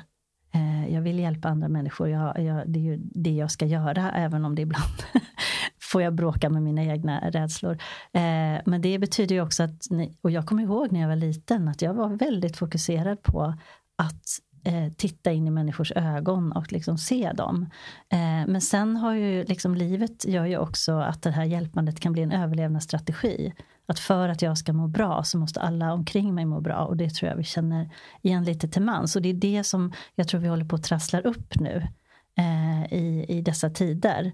Att yttre händelser, jag menar vi lever i en ganska turbulent tid, minst sagt. Och det har vi gjort de senaste åren. Eh, ska jag vara flummig igen så kan jag säga att om man tittar på siffrorna så när pandemin kom 2020, eh, där har vi två tvåor. Eh, tvåan för mig är hjärtat. Att, att eh, gå inåt och, och leva sant från hjärtat. Vad är sant för mig? Och yttre omständigheter kan ju ibland trigga igång liksom inre arbete. Och vad som hände då under pandemin var ju att vi faktiskt oavsett kön, oavsett nationell tillhörighet, oavsett eh, ekonomisk tillhörighet, alla blev drabbade på något sätt. Vi fick stanna upp. Vi fick stanna upp och reflektera. Eh, är det här sant för mig? Hur ska jag förhålla mig till det här? Eh, vi kunde också öva i empati, att faktiskt finnas där för andra och förstå andra. Eh, det är ju likadant nu. Nu har vi snäppat upp volymen lite 2022 Eh, och vi ser ju det att nu, nu, nu blir vi ännu mer igångtriggade i det här. Vad, hur, eh, liksom, vad är sant för mig? Hur kan jag förhålla mig till det här? Att vi, vi verkligen väcks i våra hjärtan. Och det som händer utanför oss, om det nu är det kollektiva, i det världsläget eller om det är i våra relationer eller yttre händelser. Eh, det tänker jag nu är ett tema att ehm, skräpet ska upp till ytan. Våra djupaste rädslor, våra djupaste sår blir igångtriggade nu. Eh, inte som straff eller test, utan för att vi ska få syn på det. För jag tror att väldigt många människor just nu upplever att vi lever lite i ett vakuum. Vi håller på att ömsa skinn. Att det som vi för, har förhållit oss till tidigare, om det då är det kollektiva eller på det personliga planet, att det inte riktigt gäller längre. Eh, så jag, jag tror att det är någonting som, jag vet inte om ni känner igen det, men många i min vänskapskrets. Vi håller på att knöla med oss själva helt enkelt. Är den här relationen rätt för mig? Är det här yrket rätt för mig? Var ska jag bo? Um, och så vidare. Och att vi också yttre händelser triggar igång de här såren i oss. Eh, som sagt var för att vi ska få upp dem och få syn på dem. Är det här ett beteendemönster som fungerar för mig? Eller vi kan liksom på ett kärleksfullt sätt bli påminda att um, en yttre händelse gör att vi går igång i våra vanliga mönster. Och att vi då får hjälp att titta på, men vänta nu här, är det här verkligen jag nu? Så jag tror att vi har gått igenom en otrolig transformation. Och det är ju det som är livet. Att eh, skulle vi inte liksom utsättas för eh, kriser, situationer och så vidare så skulle vi inte heller ha någon anledning att reflektera över oss. Eh, mm. Så man kan hitta en, ett syfte och en mening i det mesta om man väljer att se det så. Då blir jag nyfiken om vi pratar om 2020 och 2022 ja. och då 2023. Mm, här kommer en fråga som jag inte var förberedd på. Men om vi ska titta på siffrorna då så skulle jag säga att trean för mig är Eh, jag får ju mycket symboliska bilder. Så trean för mig är ju, om ni tänker en triangel då, tresid, tre hörn, eh, så har den ju formen av ett seglet på en båt eller fören på en båt. Treans energi för mig är drivkraft framåt, det här go with the flow. Ehm, och jag tänker då att rent energimässigt så borde 2023 handla om att vi faktiskt släpper taget om väldigt mycket gamla Eh, Eh, former, restriktioner, tankesätt, både i det kollektiva och på ett personligt plan. Och för det är ofta så att när vi möter eh, en situation eller omständighet så går vi ofta in i kampen. Så om vi ska se en symbolisk bild så är det som att i stormen så ror vi.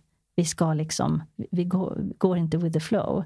Men istället lägg bort årorna och hissa seglet och släpp taget och ha tillit till att det som stormar runt dig kanske finns en mening med. Att det stormar för att du ska släppa taget.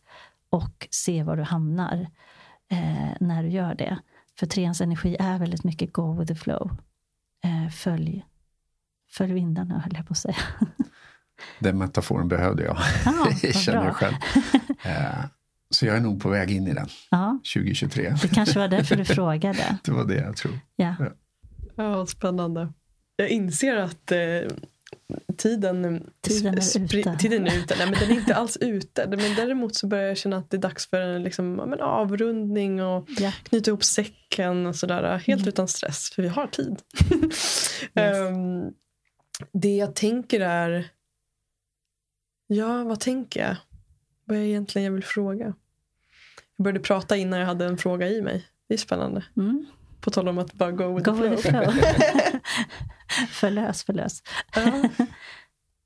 Det dyker, upp en sak hos, det dyker upp en sak hos mig och om inte det kommer ut direkt från dig så om vi nu tänker perspektiv och podden Mm. så tänker jag så här att vad finns det för om vi säger fördomar eller vad, vad finns det för liksom gentemot det du jobbar med? Vad får du höra utifrån det här? För jag tycker det här är superspännande. Mm. Och jag tänker att det här väcker säkert väldigt mycket känslor och tankar hos de som lyssnar. Mm. Och då tänker jag, vad, vad är det för fördomar, vanliga saker du stöter på? Att folk eh, i form av ifrågasättande, om det är, om du kan se något mönster i det. Ja, det var ju en väldigt intressant fråga eftersom det är ju just det som är min stora rädsla. Att någon ska komma och slå mig i huvudet och säga vad sysslar du med? Är du terapeut? Är du... Det är ju det jag har brottats med. Att jag har ju fått gå, fått gå en väg som är perfekt för mig. Jag hamnade ju in i det här eh, på det flummiga sättet. Eller hur? Jag har mitt certifikat som certifierat medium som jag gömde undan i en låda. Eh, och det intressanta är när du säger det här att jag har ju inte blivit ifrågasatt. Men jag själv är väldigt förberedd och beredd på att jag ska vara det. Ehm, så att jag skulle säga att jag tänker att när människor förstår vad jag gör så tror jag också att det på något sätt slår an någonting i dem. Att de blir sedda och bekräftade. Eh, så jag tänker att paradoxen här är ju att jag har mer rädslor för att bli eh, betraktad som flummig och, och så vidare. Det var faktiskt när jag själv gick en mediumutbildning så hade vi någon form av seans och, och då eh, det här mediet sa till mig då pekade med hela handen och sa att eh, ja när det gäller dig så behöver du tänka på om du måste välja sida. Måste du välja om du ska vara flummig eller om du ska vara intellektuell? Du kanske kan vara båda delarna. Eh, och någonstans så är ju det väldigt sant. Så jag tänker att väldigt mycket Ehm, jag har ju till exempel också jobbat i kyrkans värld som förskollärare. Ehm, och det var ju också väldigt intressant att jag hade planerat in det i min värld. Och där fick jag ju utmaningen att faktiskt vara ärlig med vad jag höll på med. Eh, och förväntade väl mig att någon skulle slå mig i huvudet och säga vad sysslar du med, det, kan, det pratar vi inte om här. Eh, men det var ju också intressant därför att där fick jag mina fördomar eh, inte bekräftade utan tvärtom. Att där kunde jag liksom, så jag tror också att mycket rädslor ligger inom oss. Eh, och det är väl det som är jag ju ett tydligt exempel på. Att exakt det jag behöver titta på, det är exakt det som livet puttar mig i rätt riktning. Så, Mm. eh, så att jag ska säga att eh, det kanske också är eh, en lärdom i det att rädslorna är oftast inom oss. Eh, och det är liksom trollen spricker i solen på något sätt. Och det jag tänker är spännande är ju att du just sitter här nu med oss. På tal om det du säger. Ja, Så det är absolut. fint tänker jag. Så det ingår ju också i min utmaning här. Nu har det varit väldigt mycket synkronicitet kring att vi möttes och att, att jag sitter här idag. Vilket man kan skratta åt. Och, och det tänker jag också med livet. att att inte se det så allvarligt hela tiden. Att vi är väldigt mycket fokuserade på att fixa. Vi är väldigt mycket eh, fokuserade på att vara utanför oss själva. Eller hur? Vi, vi letar efter svar, vi letar efter... ehm, och jag tycker inte att det, det är absolut, det är ju den vägen jag har gått. Att jag har varit nyfiken och vetgirig och, och samlat på mig olika läror och olika, läst olika böcker och lyssnat på olika gurus inom den andliga världen. Men jag tänker att om jag ska ta, ge någonting som slutord så är det ju att livet är en paradox. Att ju mer vi går inåt desto mer förstår vi oss själva och desto mer eh, liksom, tydliga blir vi utåt. Ju mer vi fokuserar på här och nu, desto mer effektiva blir vi. Det är ju paradox, verkligen. Eh, så jag tänker att eh, ha tillit till att Ehm, ju mer du förstår dig själv, desto mer tydlig blir du för andra och dig själv. Och vi, jag tror att vi har en bild av att vi jämför oss med andra. I dagens samhälle är det väldigt mycket så. Vi är utåt och letar och ska försöka eh, beskriva oss själva utifrån. Men jag tänker att här inne har vi den här diamanten. Så det handlar mer om att gräva fram den. Så. Och eh, ni frågade ju mig om tre boktips här. Vi skulle precis göra det. det, det kanske är lite medial. Ja, och, och då skulle jag säga, alltså jag, och, och, där är jag ju också lite Pippi Långstrump därför att jag har en enorm mängd med böcker och jag är, har varit inspirerad av så många. Eh, men jag använder ju min bokhylla lite på ett annat sätt. Eh, utan jag köper böcker eh, och det som min bokhylla är min dagbok. Att jag har jättesvårt att göra mig av med böcker för att jag kan se min resa. När jag liksom, vilka böcker jag köpte i mitt uppvaknande och, och liksom mina olika eh, intressen i den andliga sfären. Eh, men om, jag, om det skulle brinna hemma och jag skulle ta tre böcker eh, så skulle det vara en bok som heter Kroppen talar till dig av Lise Bourbeau. Vet inte om ni känner till den? Eh, På tal om eh, just synkronicitet så fick jag det tipset igår.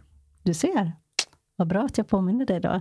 Exakt. Så den boken är som en uppslagsbok. Eh, hon har skrivit många böcker eh, i serien. Jag tror det finns fyra eller fem som på olika sätt beskriver ehm, hur vi förhåller oss till livet utifrån ehm, hur vi har vuxit upp helt enkelt. Eh, allt ifrån hur vår fysiska kropp beter sig till ja, hur, vi, hur vi förhåller oss känslomässigt och mentalt.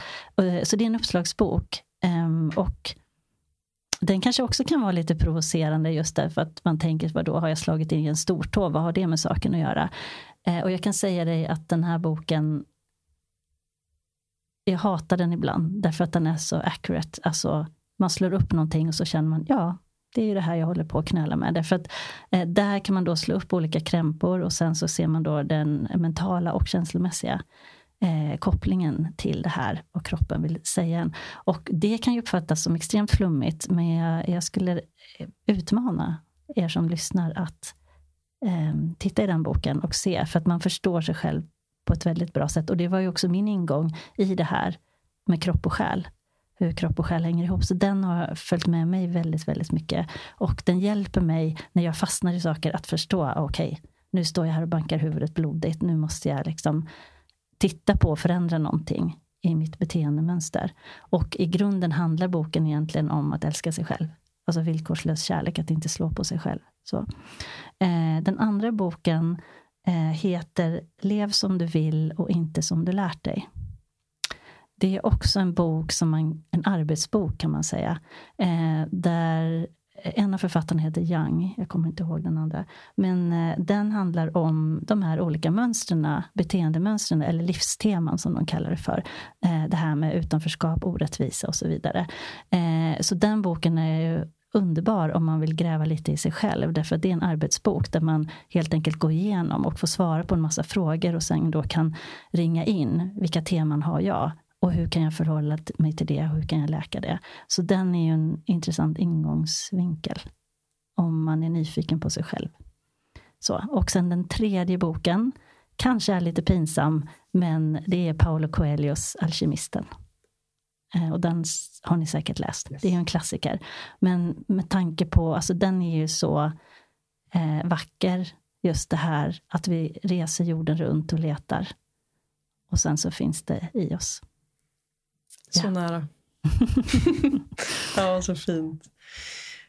Och ja, det var någonting jag tänkte på precis när du pratade om det här med att, eh, alltså just här att kring, jag tänker till lyssnarna som är skeptiska mm. eh, kring ja, vad det nu må vara, om det handlar om att kroppen talar till oss eller det vi har pratat om i det här samtalet. Så mm En fråga som ofta har hjälpt mig i de, eh, i de stunder då jag själv kanske har varit skeptisk inför någonting har varit liksom att här, men, tänk om jag, här, inte, jag måste inte tro på det här just nu. Men bara för en stund så här, tänk om det här var sant. Hur skulle det då kunna se ut? Um, för det har också hjälpt mig att någonstans här, distansera mig till att behöva ta ställning till någonting men ändå vara lite nyfiken på det. Mm. Så jag tänker det vill jag också skicka med lyssnarna nu i den här kommande liksom, resan och utforskandet kring de här frågorna. Att så här, Ja. ni behöver inte tro på det här men bara så här, tänk om det var sant. Lek Hur skulle med det då kunna vara? tanken. Lek Lek med med tanken tanken. som du har sagt Mhm. också. Precis. Ja. Så jag gillar det. Och jag tänker också att eh, alltså alla har vi, det är ju också en del av livet. Att oavsett vad som händer oss eh, så har vi alltid en fri vilja hur vi förhåller oss till det också. Precis. Eh, som någon sa, att det viktigaste är inte hur vi har det utan hur vi tar det.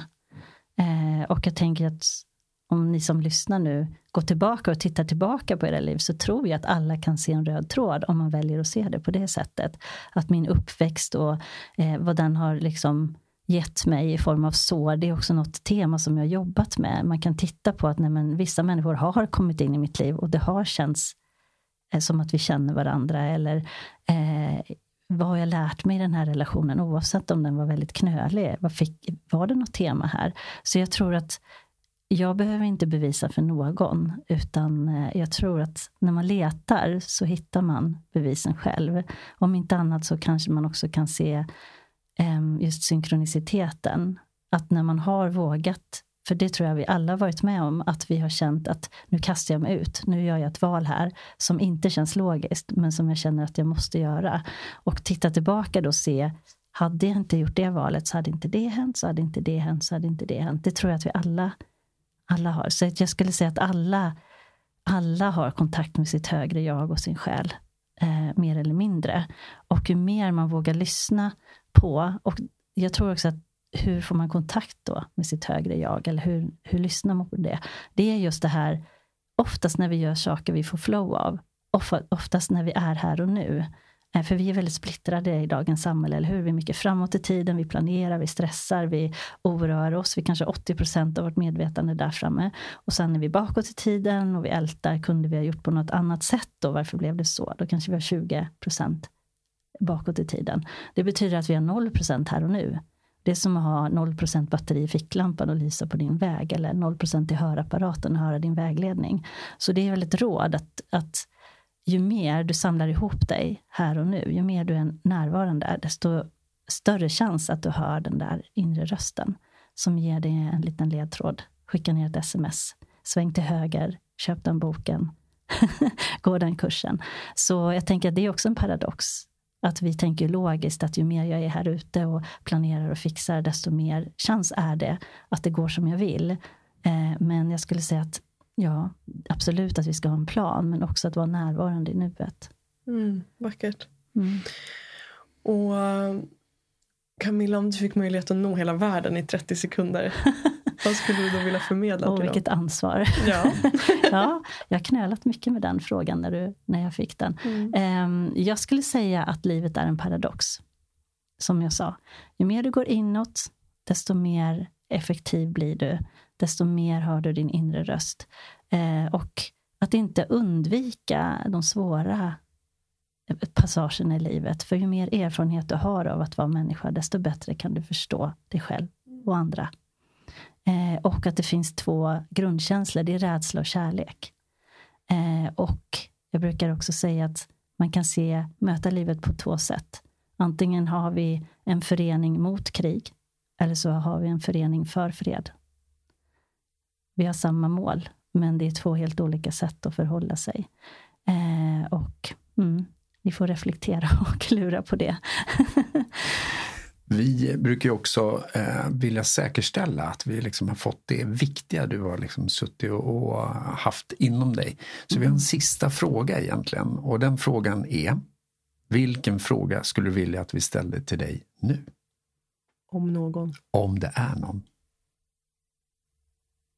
Och är det ingen så kan det ju också betyda att du har fått säga det du ville. Så att det är mer så här att Ja, eller ställ den här frågan, för det skulle jag vilja svara på. Ja, det blev ju väldigt tyst här nu. alltså, det det jag kan ju tänk- vara ett bra tecken då att vi har fått med mycket, eller Ja. att du har fått säga det du har velat. Ja, alltså jag, jag övar ju på att ha tillit också. Så jag tänker att nu satt jag här och ställde mig till förfogande och jag tänker att det kanske har väckt jättemycket frågor hos lyssnarna. Eh, men att också fortsätta att fundera på det. Eh, men jag känner ju också i mitt huvud nu att nu, nu har kanalen stängt här. Så att jag tänker att jag, vi får ha tillit till att vi har sagt det vi ska säga. Precis. Jag vet dock att det finns något vi inte har sagt som jag känner att jag vill ta ansvar över. Mhm. Och det är att jag vill veta hur lyssnarna kan komma i kontakt med dig Camilla. Ja. Eh, dels finns jag ju på Instagram eh, och där heter jag Soul Decoding by Camilla. Eh, sen har jag också en hemsida som förhoppningsvis är klar när det här sänds som heter listentoyoursoul.se. Så det är de två kanalerna som jag har främst. Ja, och det är väl också det namnet på, på mitt företag fick jag ju för många år sedan och det är ju egentligen ett namn som verkligen talar om, om jag ska säga sista ordet, så här, lyssna på din själ. Och det kan jag säga, det måste jag påminna mig om varje dag också. Så vi är inte mera människor. Men eh, ja, gå inåt och lyssna på den inre rösten så är vi en bra bit på väg i alla fall. Mm, vackert. Tusen tack Camilla för Ja. din eh, tid, energi, din närvaro, det du är, det du gör. Tack för idag. Detsamma. Fortsätt gör det du gör. Tack. Detsamma. Tack för att jag fick vara här. Det kändes jättefint. Tack till dig som har varit med oss idag. Vi är så nyfikna på hur det här landar i dig. Vilka tankar, insikter, frågor och kanske till och med triggers väcks inom dig. Det betyder enormt mycket för oss att få ta del av dina processer och vi ser fram emot att höra från just dig. Skulle du vara intresserad av att gå ännu djupare och fortsätta det här samtalet så har vi också skapat en Facebookgrupp för att samlas och connecta. Och du hittar den genom länken som finns i beskrivningen till det här samtalet. Ett annat sätt att hjälpa oss att sprida samtalet vidare och att hjälpa oss att vara en del i att skapa en mer nyfiken och öppen värld är att posta det här på din story och helt enkelt visa att det här är perspektiv och samtal som behöver lyftas. Än en gång, tack till dig som är här med oss.